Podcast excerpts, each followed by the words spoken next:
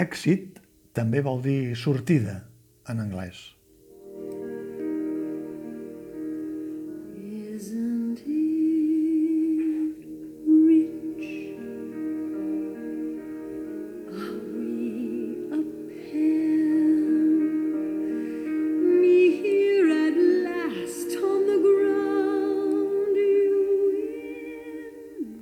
Qui hagi llegit o passat els ulls pel relat autobiogràfic Èxit, on tot comença, que l'actor Roger Pere va escriure i publicar per explicar el que ell havia viscut en pròpia pell, acollat pel monstre de la cocaïna, trobarà en aquest espectacle una sintetització de tota la història personal que li ha servit de base per participar també en col·loquis en centres educatius i per alertar els adolescents del preu que es paga si mai es deixen engolir per la droga.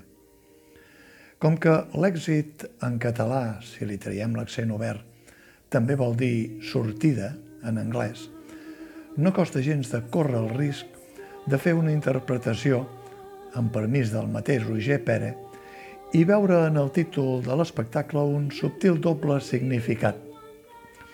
Si en el llibre ja titulava Èxit, on tot comença, en aquesta versió escènica es podria dir que ha titulat Èxit, la sortida.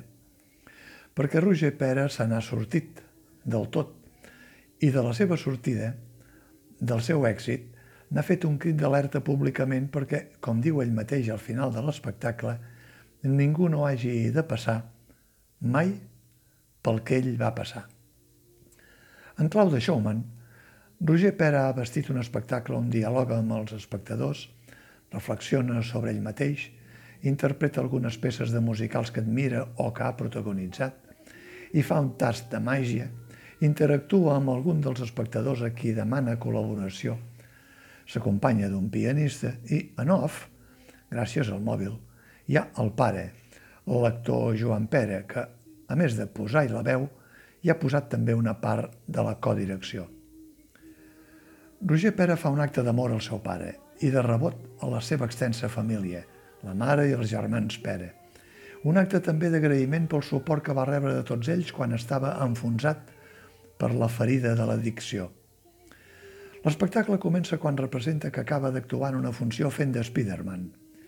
Se senten els aplaudiments de fons quan ell entra al camerino, encara tapeït dins el feixuc vestuari del superheroi.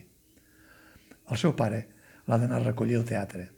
Però una primera trucada del mòbil ja deixa entreveure que Joan Pere tindrà una sortida també del seu teatre una mica embolicada i que Roger Pere tindrà prou temps per aprofitar l'espera per explicar què ha estat la seva vida. L'espectacle té moments d'humor, picades d'ullet, subtils ironies, fuites de sinceritat i algun moment de sensibilitat que tracta amb la punta dels dits i amb guants de protecció d'inconable perquè no faci mal a ningú. Hi ha un tractament tan delicat com teatralment ben aconseguit. Sense que es puguin comparar pel que fa al tema de fons, sí que hi ha en aquest espectacle una part de la mateixa intenció amb què l'actor del tricicle Carles Sanz va estrenar aquesta mateixa temporada el primer espectacle que feia en solitari, per fi sol, unes ganes de desvestir-se davant dels espectadors, mostrant-se tal com sempre havia estat. Roger Pere fa ara el mateix, però amb l'avantatge que ja ha actuat en altres ocasions en solitari. Per exemple, en l'espectacle Quina feinada, de Becky Mota, en una versió del cineasta Ventura Pons, el 2018, a la sala Versus Glòries. Una mostra de la bèstia escènica que Roger Pere porta dins. Ell mateix ho justifica. Va començar a treballar quan era una criatura, als 9 anys, convertit en un dels primers dobladors amb veu real d'infant que fins aleshores acostumaven a fer actrius o dobladores.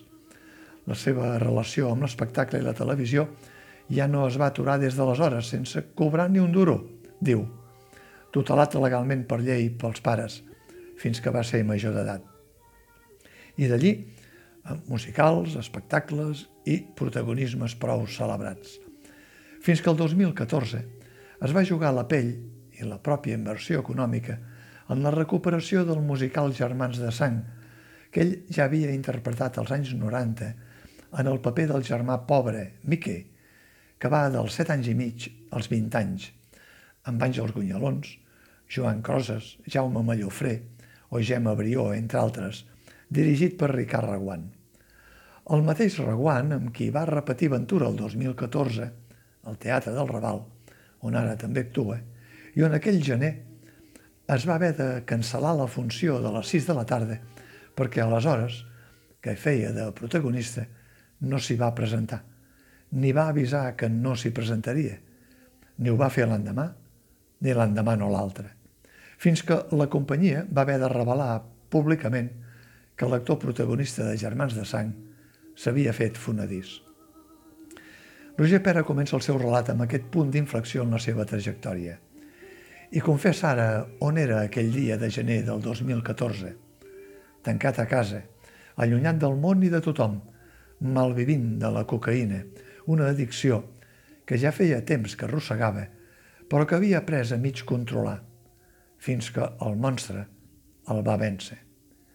Roger Pera continua sent l'actor capaç d'omplir en solitari un escenari i un auditori, fent un tas del Mickey de set anys i mig de Germans de Sang, interpretant un tema de Sondheim, posant-se en la capa i la mitja màscara del fantasma de l'òpera i esquitxant el relat d'anècdotes personals i familiars que involucren tots els Pere i que en cap moment no estan al marge de l'extensa carrera del seu pare, l'actor Joan Pere, un personatge que si bé no apareix físicament en aquest espectacle, sí que hi és present en tot moment en les paraules que li dedica Roger Pere i que el fan visible en la imaginació dels espectadors.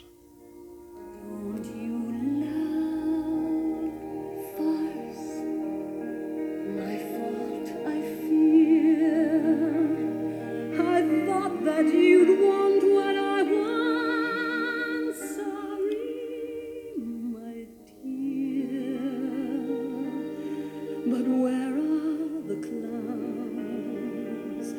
There ought to be clowns. Quick send in the clowns. What a surprise! Who could